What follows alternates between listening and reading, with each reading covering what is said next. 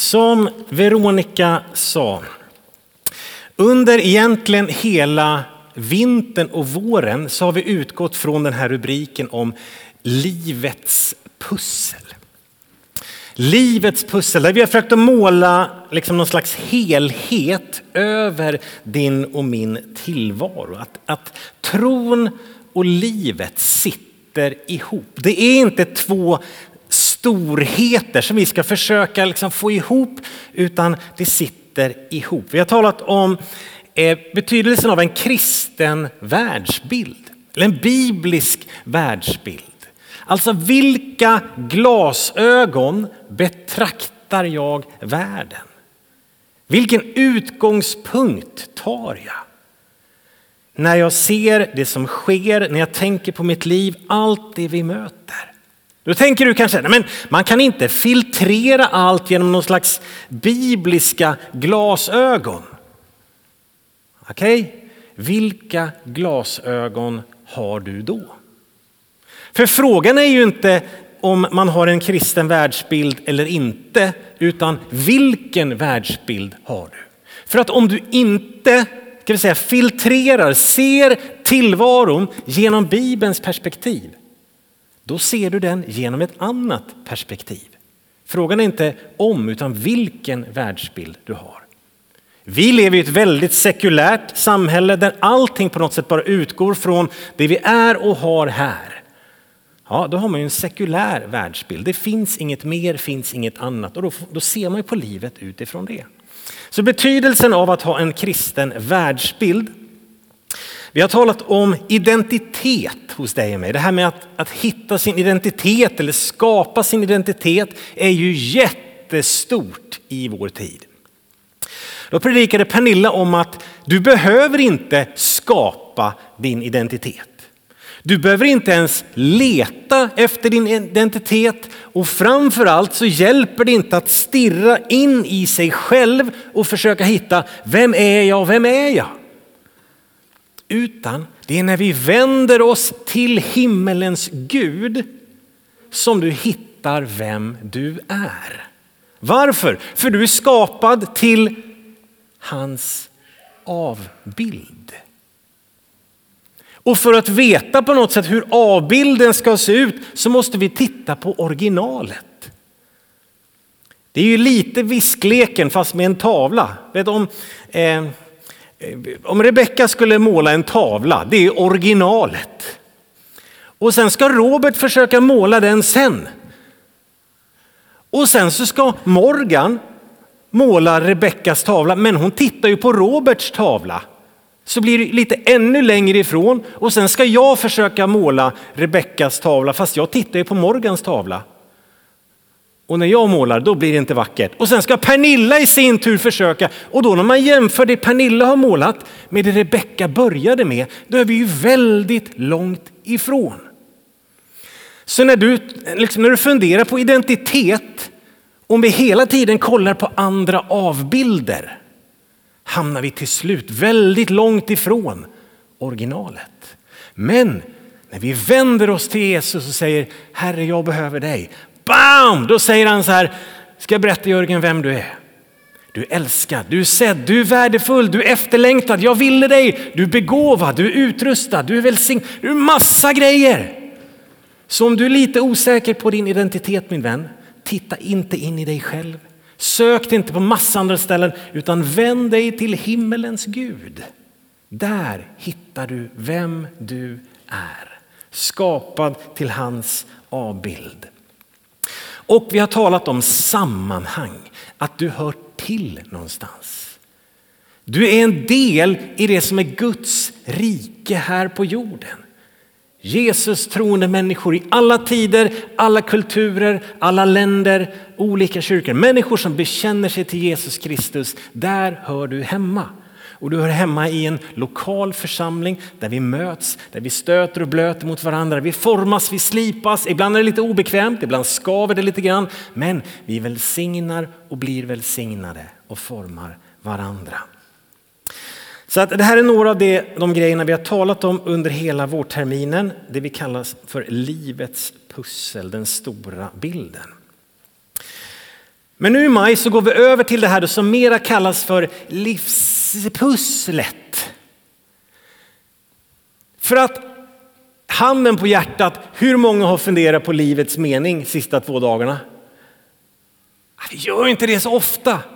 Ibland dyker det upp, så här, oh, vad händer, går det? Utan vi är ju mera upptagna med livspusslet. Att få allting att gå ihop. Hur hinner jag? Hur orkar jag? Hur går det? Hur ska det här bli? Liksom? Vad ska jag laga för middag? Vem ska handla? När ska jag hinna träna? Hur var det nu med mamma? Hade jag ringt henne? Och de här fyller år där. Vi ska hinna med där. Och vem, är du med? Där lever ju vi i livspusslet där vi har de här olika vardagsbitarna för att få tillvaron på något sätt att gå ihop. Och det här livspusslet är lite olika intensivt och olika svårt genom olika tider. Pernilla kommer att tala om det om ett par veckor, liksom tron genom olika tider. Eh, du som är småbarnsförälder vet ju, eh, liksom, ja där har ni liksom, lycka till. Eh, och sen när barnen har växt upp så går det lite långsammare och man har lite mer tid och sen försvinner de så blir det ännu mer. Och så, alltså det ser lite olika ut. Men vi, någonstans är det det här vardags, pusslet som vi försöker lägga mest hela tiden. Och ibland så kommer ju de här stora frågorna upp, liksom. de som ligger under ytan. Ibland letar de sig upp när det händer saker, vi möter grejer. Då pockar ju de här stora viktiga frågorna liksom på också. Och jag tänker så här att livspusslet blir svårare om inte livets pussel ligger riktigt rätt. Om jag inte har den stora bilden, liksom bakgrundsbilden, utgångsläget, ramen, kalla det vad du vill, så blir det ju lite svårare att lägga de här vardagsbitarna också. För jag vet inte riktigt hur jag ska välja hur det sitter ihop. Jag kanske till och med gör tron på Gud till en del av vardagspusslet. Jag, vet, jag ska hinna med det, jag ska fixa det och jag skulle få in tron här också. Vänta, Jesus, vart är du någonstans här? Och hinna med kyrkan och så blir tron en del av detta livspussel också. Och det vi har försökt att göra då är att måla den här stora bilden. Att tron på Jesus, livet med honom, det är inte en av de här små bitarna som vi ska försöka få att passa in. Utan tron på Jesus, det är hela ramen. Tron på Jesus är på ett sätt den färdiga bilden som mina små bitar till slut målar upp. Så tron på Jesus är utgångsläget. Tron på Jesus är hela liksom bilden du ser på kartongen. Vad ska det här bli? Pusslet som heter Jörgen. Jag vet inte om det, ibland känns det som ett så här 10 000 bitars pussel och man saknar sju bitar. Man vet att det kommer aldrig gå ihop det här. Men vad är det på bilden? Jo, det är Jesus Kristus som är bilden som mitt liv ska bygga. Ehm, och den bilden då spelar roll för alla andra pusselbitar. Den stora bilden spelar roll för alla andra pusselbitar och ger mig mitt därför. Jesus som utgångsbild, som liksom ramen för allting, är mitt ständiga varför.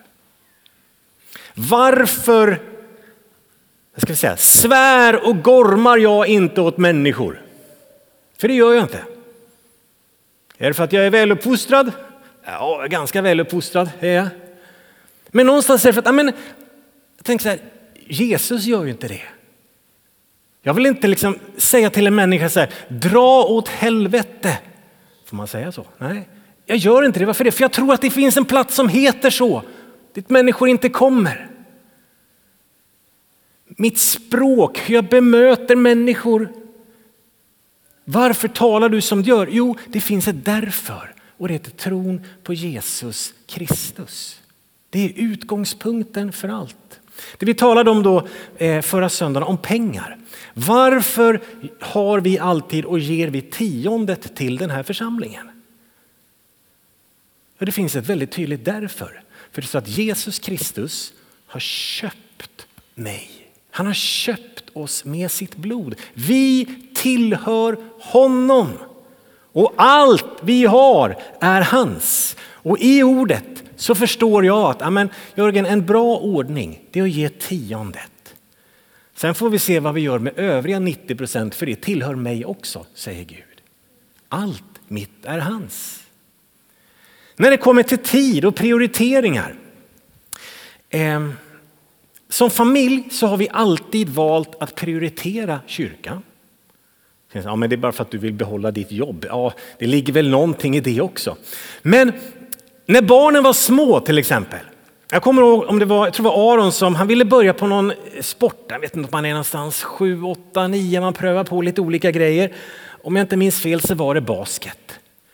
Men så såg vi på något sätt i det häftet att men de tränar på söndag förmiddag. Ja, det går fet bort liksom. Jag gör det.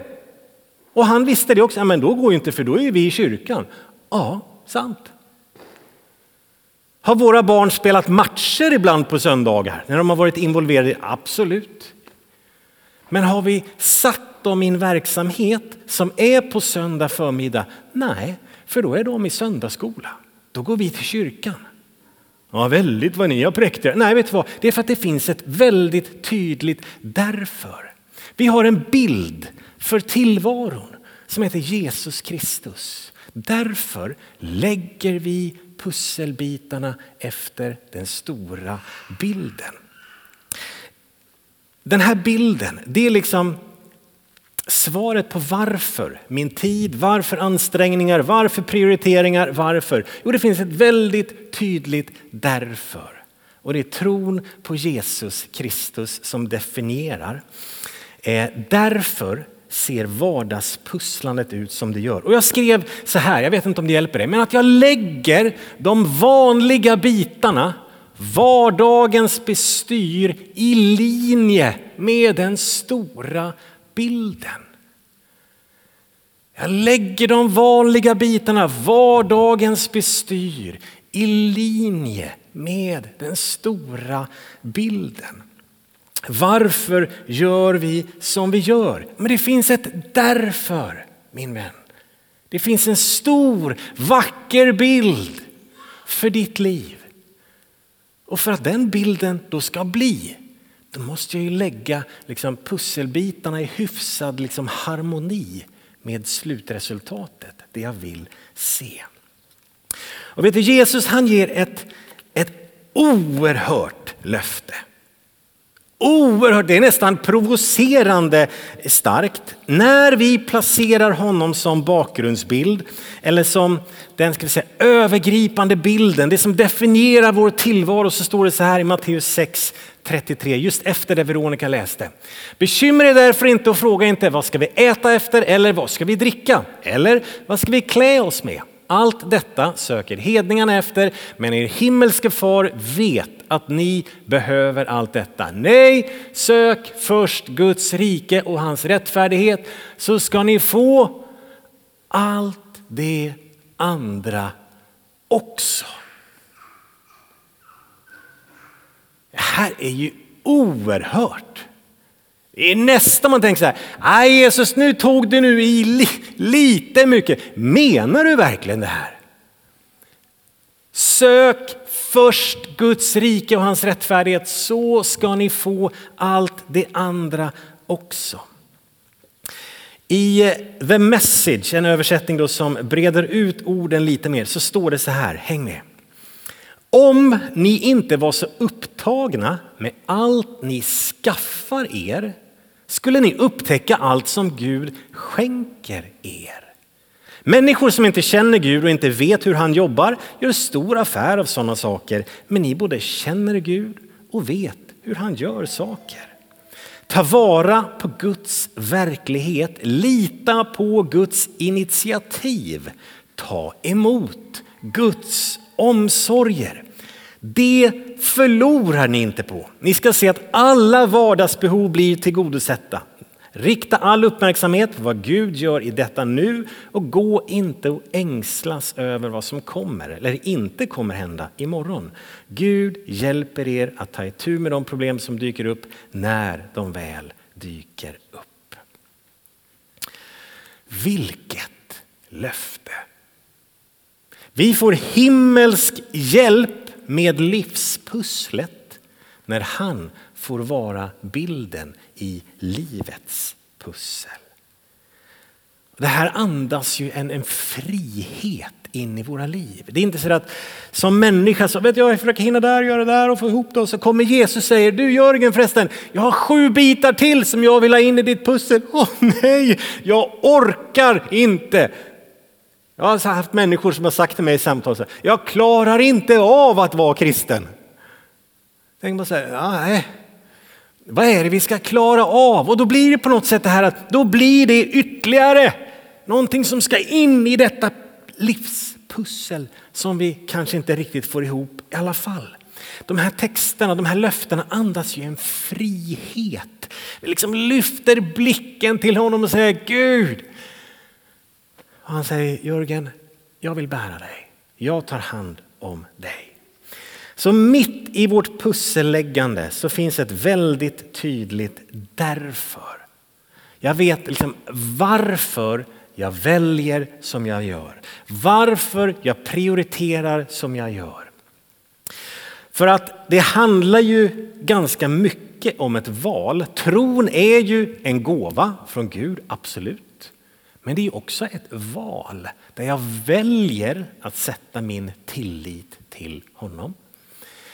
Ehm, och i ett eh, sammanhang när eh, Johannes skriver om Jesus, då har han först han har gått på vattnet, han har gjort ett fantastiskt brödunder som har mättat mängder med människor. Och så börjar Jesus undervisa och säger egentligen att alla ni som är här, jag spelar roll för ert liv.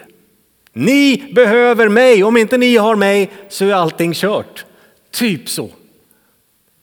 Och folk bara, va? Nej, det här vill vi inte ha. Och då står det så här i Johannes 6. Efter detta drog sig många av hans lärjungar undan och slutade vandra med honom. Då sa Jesus till de tolv, inte tänker väl ni också gå? Simon Petrus svarade honom, Herre, till vem skulle vi gå? Du har det eviga livets ord och vi tror och förstår att du är Guds helige. När Jesus gjorde lite coola grejer, liksom gick på vattnet och gav dem lite bröd och de bara åh, honom vill vi ha med i matchen. Men när han sa att jag är pusslet, det är jag som är centrum. Det är jag som är liksom essensen i livet. Utan mig så lever ni inte. Då ville de inte vara med längre. Tänk att nej, nu, nu blev det för mycket. Och när man läser sammanhanget så kan man nästan ana att Petrus och lärjungarna de är själv lite vilsna. Det är lite svår undervisning som Jesus har.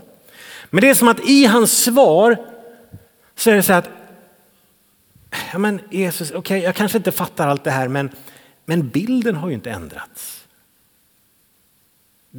Riktningen har ju inte ändrats.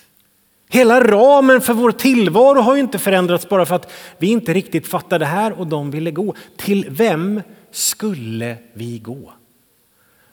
Och det som ligger med här i texten som jag skriver in i min bibel det är ju till vem annars skulle vi gå? Till vem annars följer vi? Det är lite samma med världsbilden. Om jag inte har en biblisk världsbild, vilken världsbild har jag då? Om jag inte hämtar min identitet i vem Gud säger att jag är, var hämtar jag då min identitet? Om inte mitt viktigaste sammanhang är Guds rike, var är då mitt viktigaste sammanhang? Till vem skulle vi gå? Till vem annars skulle vi gå? Om inte du Jesus är centrum, bakgrundsbild, ursprung, hela ramen. Vem är det då? Vem är det då? Och när jag håller på att lägga mitt vardagspussel i allt det här vardagsbestyret som livet består av. Om jag inte lägger de här pusselbitarna, prioriteringarna, valen, tiden i linje med Jesus, den stora bilden. Hur lägger jag pusslet då? Ah, jag bara lägger lite, vi får väl se vad det blir i slutändan. Hoppsan, hamnade jag i den här riktningen. Till vem annars skulle vi gå? Om jag inte väljer Guds stora bild för mitt liv, vilken bild väljer jag då? Till vem skulle vi gå? Jag tänker här finns det här valet att välja trons väg även när jag inte riktigt förstår. Jag är inte med på om, om lärjungarna riktigt kan ta in Jesu undervisning. Men det är någonting, på sätt erfarenheten. Det de vet sedan tidigare säger att amen, det här förändrar inte saken. Min erfarenhet och min kunskap sedan tidigare säger jag går med honom. Och om du känner så här, jag, jag är inte riktigt med i livet nu, Gud vart är du någonstans? Jag fattar inte vart det här tar vägen. Välj trons väg ändå, även om du inte riktigt ser just nu.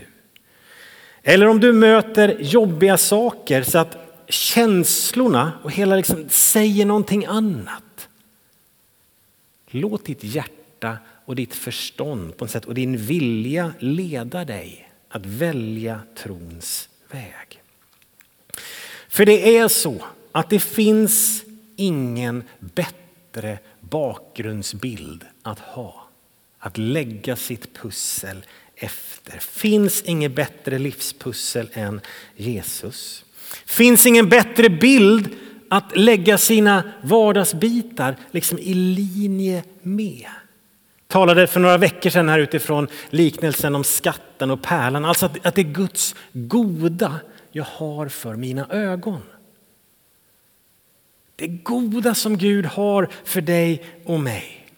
Vet du, det finns ingen vackrare bild som ditt liv kan måla upp än den bild som har Jesus som bakgrund. Och det är den bilden som mina vardagsval, mina bestyr, det är det som i slutändan, liksom, det är det här som jag siktar mot. Jesus, att mitt liv faktiskt i slutändan få peka på dig, visa på dig. Jag liknar dig, jag är skapad till din avbild. Jag går på dina vägar. Det finns ingen vackrare bild som ditt liv min vän kan måla upp. Det finns ingen godare väg som du kan gå på än hans väg. Romarbrevet 8 säger så här, också eh, starka ord. Vi vet att allt samverkar till det bästa för dem som älskar Gud, för de som är kallade efter hans beslut. Vi vet att allt samverkar till det bästa för de som älskar Gud, som är kallade efter hans beslut tänker att ett bibelord man ska vara lite varsam med. Men hela kapitlet Läs Romarbrevet 8 ikväll innan du, läs, innan du lägger dig så har du med dig in i veckan. Fantastiskt kapitel som talar om vad Jesus har gjort för oss. Om förlåtelsen och friheten vi kan få leva med. Det står om arvet som väntar. Härligheten som väntar och faktiskt att alla bekymmer och svårigheter som vi möter bleknar i jämförelse. Det talar om den helige ande i oss som på något sätt bara viskar eller ropar liksom ut barnaskapet, det ropar Abba fader i vårt hjärta. Det står att anden hjälper dig i din bön, i din svaghet. Och så slutar kapitlet med att ingenting vi möter Ingenting kan skilja oss från Guds kärlek i Kristus Jesus, vår Herre. Så att allt vi möter kan Jesus göra någonting gott av. Jag tänker påsken ligger bara ett par veckor bort. Jesu död på korset, det värsta av det värsta, tar Gud och gör vad då? Det bästa av det bästa. Och i ditt liv min vän, det du möter, hur svårt och jobbigt det än är, hur ont det än gör, så kan Gud ta det och göra någonting vackert och gott ur det. För den som älskar Gud samverkar allt till det bästa. När jag lever mitt liv med Jesus som bakgrundsbild, som utgångspunkt, som ram, som utgångspunkt för mina val, som mitt ständiga liksom, därför, då kan allt samverka till det bästa. Det Gud har för dig är det goda. Det Gud har för dig är det goda. Och det finns ingen vackrare bild som ditt liv kan måla upp. Ditt pusslande kan bli en bild som visar Kristus. Vardagsbestyren får lite riktning. Vardagsbestyren sitter ihop i ett sammanhang som jag förstår. Det är inte bara så här, ja, men här väljer jag lite här och där väljer jag så, här blev det så, och nu prioriterar jag här, utan det finns, det finns ett varför bakom allting. Varför väljer du så där Jörgen? Jo, därför att. Varför gör ni så där? Jo, för att. Livspusslet får lite syfte och mening när vi placerar in det i livets pussel där Jesus Kristus är centrum. Välj honom idag. Behöver du än en gång eh, rikta in din blick emot honom? Jag tänker att gång på gång så behöver vi på sätt få syn på den här bilden. När vi pusslar, så hur många lägger pussel emellanåt? Ja, det är flera som skulle plocka upp det. Det kan vara ganska trevlig sysselsättning. Man tittar ju på bilden gång efter gång efter gång efter gång efter gång när man lägger vanliga pussel. Och min vän, när du lägger livets pussel och du är i livspusslet, i vardagsbestyren, att vi gång efter gång efter gång lyfter blicken och ser på, vänta, vad är det för bild nu som jag ska måla upp? Hur ska jag lägga de här bitarna? Hur ska jag få ihop det här? Jo, just det. Vänta, hur såg den stora bilden ut? Jo, så här var det. Jesus i mig, hos mig. Hans rike, hans vilja, hans vägar. Just det, då lägger jag de här pusselbitarna så här. Det är därför som vi gång på gång behöver få ett möte med Jesus, se honom, fascineras av honom. Vi ska alldeles strax stanna upp vid nattvardsbordet där vi ser till Golgata, vi ser till Jesu död och hans uppståndelse. Vi behöver se det gång på gång på gång. För det ger hjälp och syfte in i vardagens små bestyr. Amen.